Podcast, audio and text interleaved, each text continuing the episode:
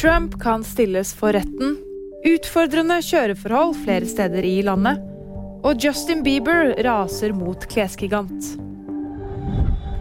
Mandag kveld kom 6.1-komiteen med en enstemmig anbefaling om at tidligere president Donald Trump stilles for retten.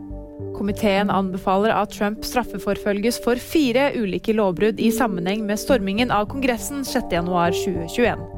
Annet vil de sikte han for å ha bidratt til opprør og for å konspirere til å bedra USA. Vi har fått eh, sånn gult farevarsel fra meteorologisk som gjelder egentlig store deler av landet. Her må man bare rett og slett være veldig forsiktig og føre var uansett hvor man kjører. Det sa trafikkoperatør ved veitrafikksentralen Anne Hårstad.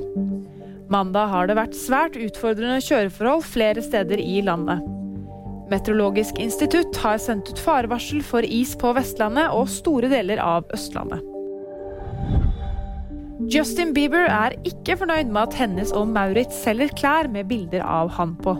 I et innlegg på Instagram skriver verdensstjernen at han ikke har godkjent noe av kolleksjonen kleskjeden selger, der både bilder av Bieber og navnet hans brukes. Hennes og Maurits har så langt ikke kommentert saken. Og VG-nytter fikk du av meg, Fride Rivø Lie.